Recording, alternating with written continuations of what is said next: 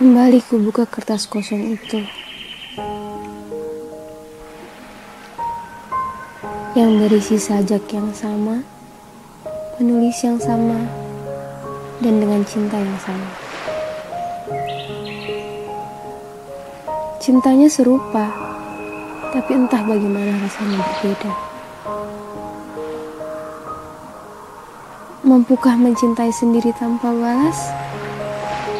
Atau mungkin aku memang harus sadar dengan diriku yang saat ini naas.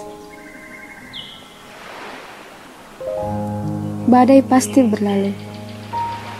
Tapi bukankah suatu ketentuan bahwa ia akan kembali? Dengan luka, pilu, dan rasa yang sama. Atau mungkin lebih pelik dari sebelumnya.